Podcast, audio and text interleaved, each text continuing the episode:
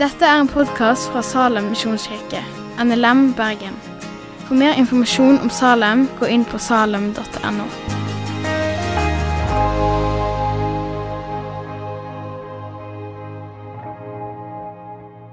De har sikkert eh, fått med dere at vi nå har gått i gang med en litt sånn ny taleserie i Salem. Der eh, intensjonen er å ta dere med inn i, i Guds frelsesplan. Hvordan Gud forbereder verden på den frelse som skulle komme. De har starta med skapelsen. I dag er vi kommet fram til Noah. Denne underlige mannen. Nesten på å spørre er det noen som ikke har hørt om noe, så ser ingen hånd oppe. Det har litt med å si hvor mye skal jeg fortelle om noe. For jeg kan med at de har fått eh, det inn. De som er på søndagsskolen, har helt sikkert hørt om noe, eh, og vi har hørt forkynt om det. Men eh, i dag skal vi igjen stanse litt opp for, for Noah. Denne underlige mannen som fikk i oppdrag å bygge en stor båt som vi kaller for en ark, og kalte inn dyr av alle eh, raser, på å si, eller alle eh, utgaver, og sin nære familie inn i denne arken. Og jeg, jeg fikk jo en fantastisk eh, eh, inngang til denne preika i kveld. For, vi, for akkurat for halvannen uke siden så var vi altså i Kenya. Og vi fikk, var, fikk, lov til å være med på to døgn på safari nede i Amboseli nasjonalpark ved foten av Kilimanjaro. Hvis noen som har vært der, så er det jo fantastisk å kjøre rundt der og iblant alle disse ville dyr. Um, det er alt mulig av uh, dyr og fugler som uh, igjen viser en Guds fantastiske kreativitet og skaperevne. Så jeg akkurat da tenkte jeg ok, jeg skal preke om Noah. Hvordan har det vært for Noah å ha alle disse dyrene med seg inn parvis da, eh, inn i ei ark? Det må ha vært et fantastisk eh, skue. Eh, Fortellingen om Noah det er både en fortelling om Guds dom over ugudelighet og urettferdighet, synd i verden. Og det er en sterk beretning om Guds frelse. Hvordan Gud frelser på tross av at han dømmer. Og så er det òg en sterk fortelling om en mann som tror Gud.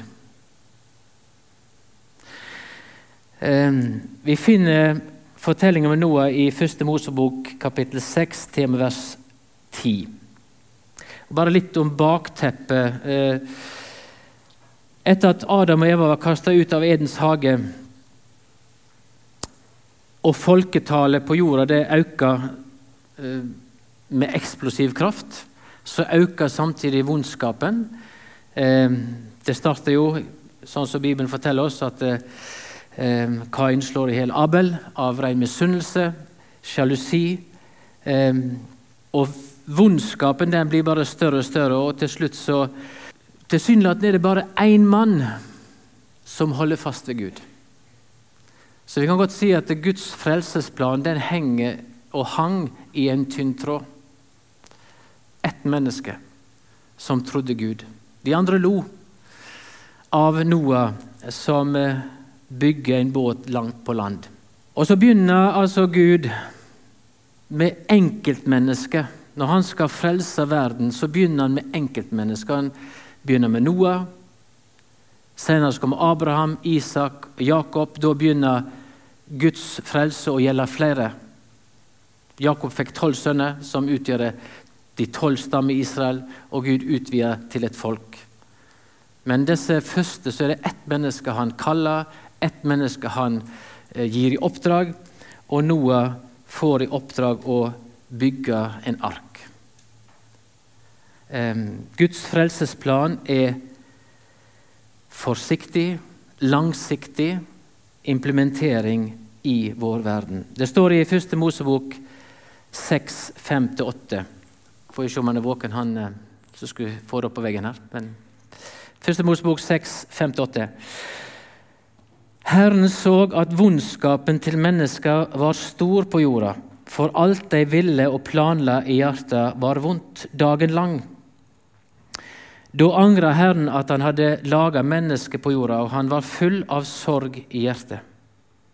Og Herren sa, Jeg vil utrydde mennesker som jeg har skapt fra jorda, alt fra mennesker til fe, krypdyra og fuglene under himmelen for jeg angrer at jeg har laga deg. Men Noah fant nåde for Herrens øyne.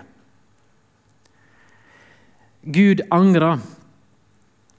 Um, Gud er full av sorg i sitt hjerte. Fordi han tenkte i utgangspunktet, i skapelsen, så hørte de sikkert fortalt Han så at alt var veldig godt. Såre vel.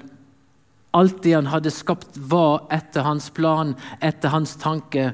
Men plutselig så snur mennesket seg imot Gud og bryter hans bud. Og Gud kaster de ut av eh, Edens hage.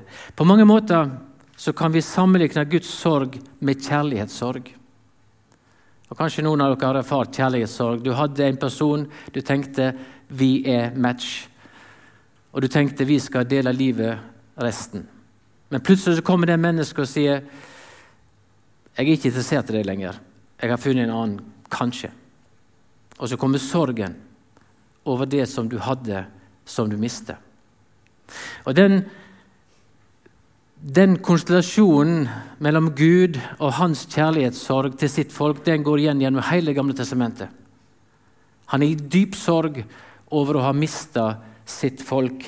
De vender seg bort ifra han og tilber andre guder. Og Gud sier de driver hor med andre guder.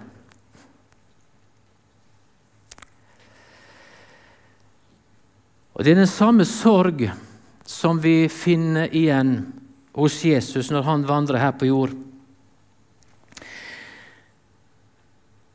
I Lukas 13, 34 Jesus ser utover byen Jerusalem. Um, Lukas 13, 34. Jerusalem, Jerusalem, du som slår i hjel profetene og steiner de som er sendt til deg. Hvor ofte vil jeg ikke samle barna dine, som ei høne samler kyllingene under vengene sine, men det ville ikke. Igjen så er Guds hjerte synlig. Det er en sorg over mennesket som ikke forstår hva som tjener til det gode for mennesket, men vender seg bort. Og Han sier det videre i Lukas kapittel 19, 41 og 42. Da Jesus kom nærmere og så Jerusalem, gret han over byen og sa:" Hadde du bare på denne dagen skjøna, du òg, hva som tjener til fred men nå er det gjemt for øynene dine. Igjen en Gud som sørger over å miste det som han skapte for fellesskap med seg. Og denne Guds sorg er ikke over i dag. Og kanskje sitter du her og kjenner litt på den sorg i ditt hjerte, for du bærer Guds ånd og sorgen over at vi lever i et samfunn som mer og mer vender seg bort fra Guds ord. Mer og mer snur Gud ryggen og følger sin egen vilje og sine egne lyster. Mennesket lever fremdeles som om vi vet best hva som tjener til det gode for oss. Og Gud sørger, og den som kjenner Guds ånd, sørger over det som skjer. Guds ord blir i økende grad sett på som irrelevant, avleggs, gått ut på dato. Og noen vil til og med si at denne boka er farlig. Og vi som står på en klassisk kristen forståelse både innen etikk og moral, vi blir sett på som samfunnsfiender nummer én. Fordømmende, ukjærlige, og forstår ikke hva som tjener til menneskets beste. Jeg vet ikke om Noah ble sett på som en samfunnsfiende. Han ble iallfall ledd av. Han ble sett på som en raring, men han trodde Gud. Og I Lukas 17 så um, sier Jesus noe som trekker linken tilbake til Noah og inn i vår samtid. Og som det var i Noas dager, slik skal det være i menneskesønnens dager. De åt og drakk, de gifte seg og ble bortgifte, helt til den dagen da Noah gikk inn i arka. Så kom storflommen og gjorde ende på dem alle. Det betyr at vi som lever i dag, vi kan ta lærdom av det som skjedde med Noah. Det er ikke noe som skjedde tilbake i tid som er irrelevant for oss. Det har faktisk, sier Jesus, relevans for vi som lever i dag. Vi kan ta lærdom av det. Det betyr ikke at det å gifte seg eller gifte seg, bli bortgift er feil. Men det som er poenget her, at eh, en blir mer opptatt av det denne side har å tilby oss, enn det Guds rike har å tilby oss. Vi blir mer oppslukt i denne verden enn det som har med Guds rike å gjøre. Og Det er jo ikke alltid det er motstridende, de to tingene. Men det som er poenget her, er at, eh, og som det var i Noas dager, de var opptatt av sitt eget og lytta ikke til hva Guds stemme sa.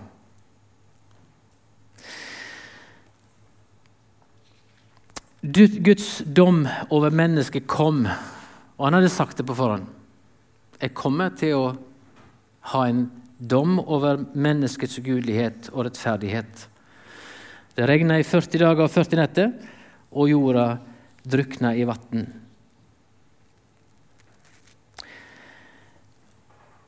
Og Jesus sier, 'Jeg kom igjen for å holde dom'. Jeg kom igjen for å holde en rettferdig dom over all urettferdighet og all ugudelighet i verden. Så står vi da i det dilemmas, samme dilemma som Noah hadde. Skal jeg tro Gud, eller skal jeg tro mennesket?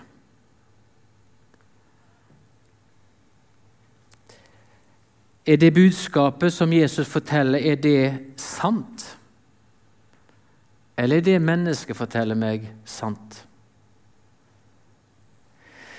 Og Spørsmålet er da er det håp i dommen. Er det frelse fra dommen? Og Vi har jo allerede vært inne på det. Noah bygger på Guds ord en ark. Og han får beskjed om å ta med seg dyr og fugler og sin familie inn i arken. Og når alt er ferdig og de er gått inn der, så lukker Gud arken. Og så kommer regnet. Så kommer storflommen. Og de som ikke trodde, går under i vann. Men de som trodde, blir løftet opp av det samme vann. De er overgitt til Guds omsorg og Guds frelse det var en frelse, og Gud ønsket en frelse. Men det var bare de som kom inn i arken, som ble frelst. Det er et alvorlig budskap, men det er òg et gledesbudskap, fordi Gud har ikke gitt oss opp. Gud sier det er en frelse for deg hvis du bare vil tro mitt ord. Og I 1. Peters brev 3, 20-22 så står det Jeg skjønner du har problemer med skjermen her, så vi får ikke opp tekstene. Men de får bare høre godt etter. De hadde vært ulydige i Noas dager, den gangen Gud venta tålmodig medan arka ble bygd. I henne ble noen få mennesker, 80-tallet, frelste gjennom vann. Og så står det dette er et bilde på dåpen, som nå frelser dykk og Dåpen er ikke å vaske kroppen ren fra skitt. Som vi døper oss, er ikke fordi vi skal vaske over skitt, men ei bønn til Gud om et godt samvitt. i kraft av Jesu Kristi oppståe, han som for opp til himmelen, nå sitter ved Guds høyre hand, og engler og makter og krefter er lagde under han. Så sier altså Peter at det som skjedde i, i Noas dager, der vannet både fordømmer og frelser Det er det som skjer i dåpen, sier Peter. Og Kanskje har de hørt den som døper, sier 'gravlagd med Kristus, oppreist med Kristus', til et nytt liv. Så er det en dom over mitt gamle menneske. Det som vil det Gud ikke vil. Det som kjenner på ulike lyster og begjær som er imot Guds vilje. Det skal dø, sier Bibelen.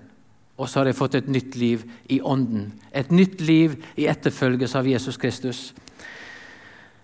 Jesus Kristus er din og min ark. Han er frelsesbåten som du og jeg får stige inn i, og det skjer gjennom dåpen. Ved troen på Han så kommer vi inn i den frelsende ark, for å bruke bildet. Og det tilbudet Gud gir oss Når han forkynner dom, så sier han men der er en frelse. Kom til Han som kan frelse.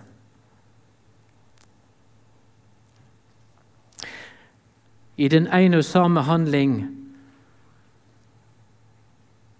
så fullbrakte Jesus det frelsesverket som holder for deg. På korset så blir han knust. Han må i døden for deg og meg. Men samtidig så vinner han seier på korset og står opp med et fullkommen rettferdig liv. Og alt det Jesus har gjort, det sier han dette vil jeg gi deg. Dette skal du få eie ved troen. Inni arken så tror jeg ikke det var så mye spørsmål hva føler du For de var trygge i arken.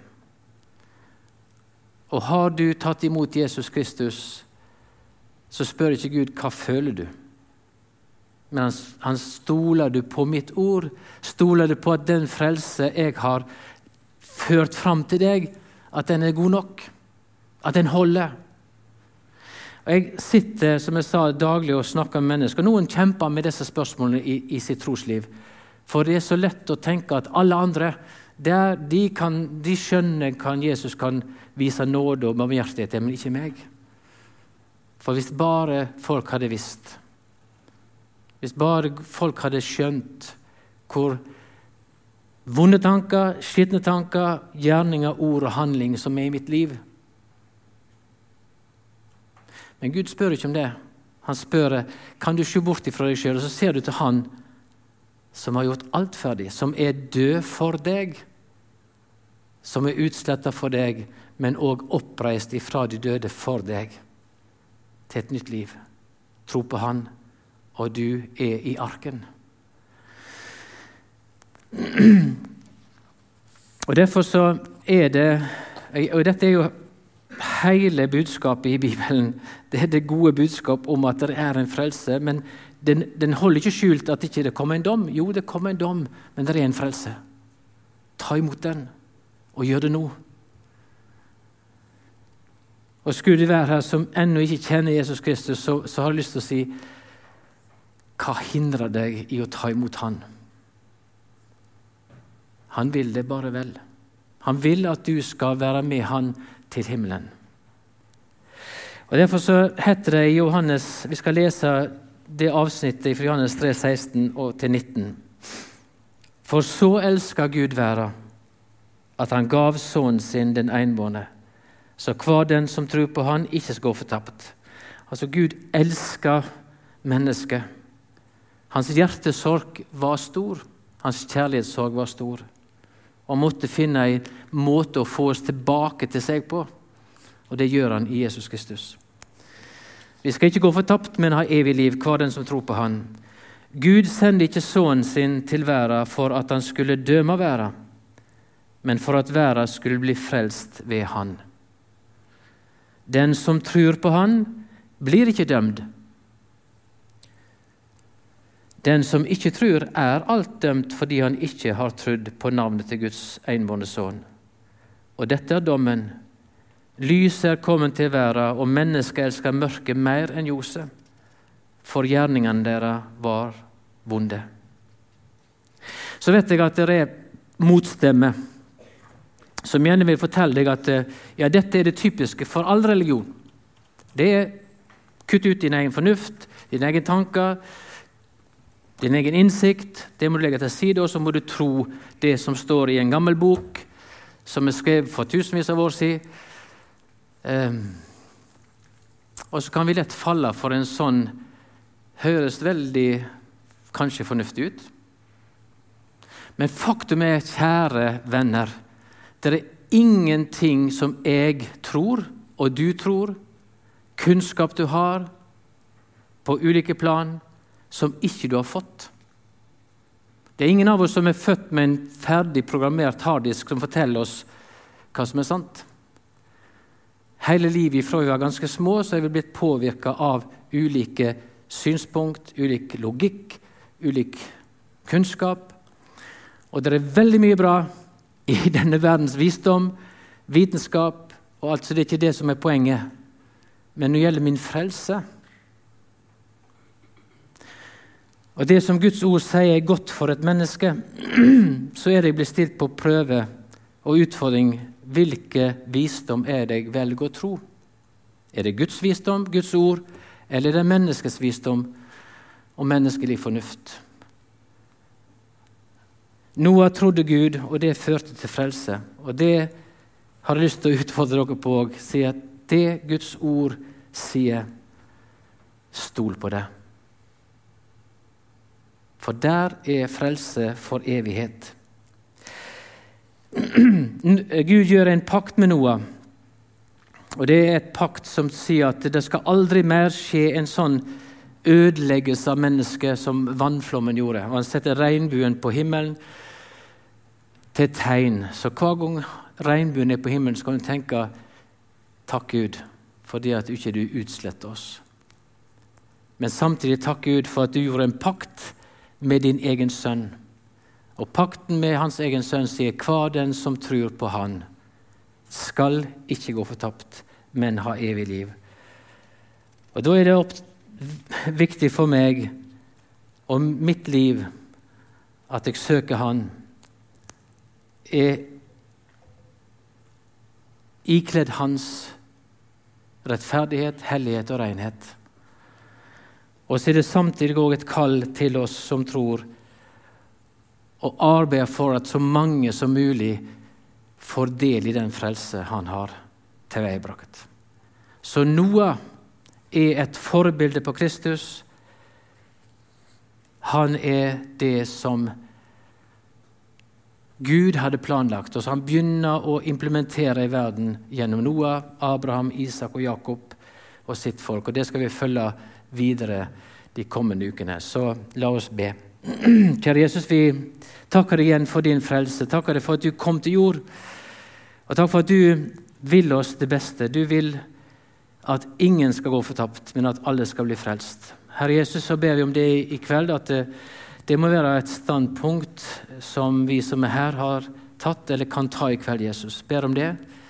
Ber om at om det skulle være noen her som ikke kjenner deg, at du kan tale kjærlig inn i livet deres. Og la dem få se at eh, du er den eneste vei til frelse. Ber om det. Velsign hver enkelt, og bevar hver enkelt ifra det så vondt, Jesus. I ditt hellige navn vi ber. Amen. Takk for at du har hørt på podkasten fra Salem, Bergen. I Salem vil vi vinne, bevare, utruste og sende, til Guds ære.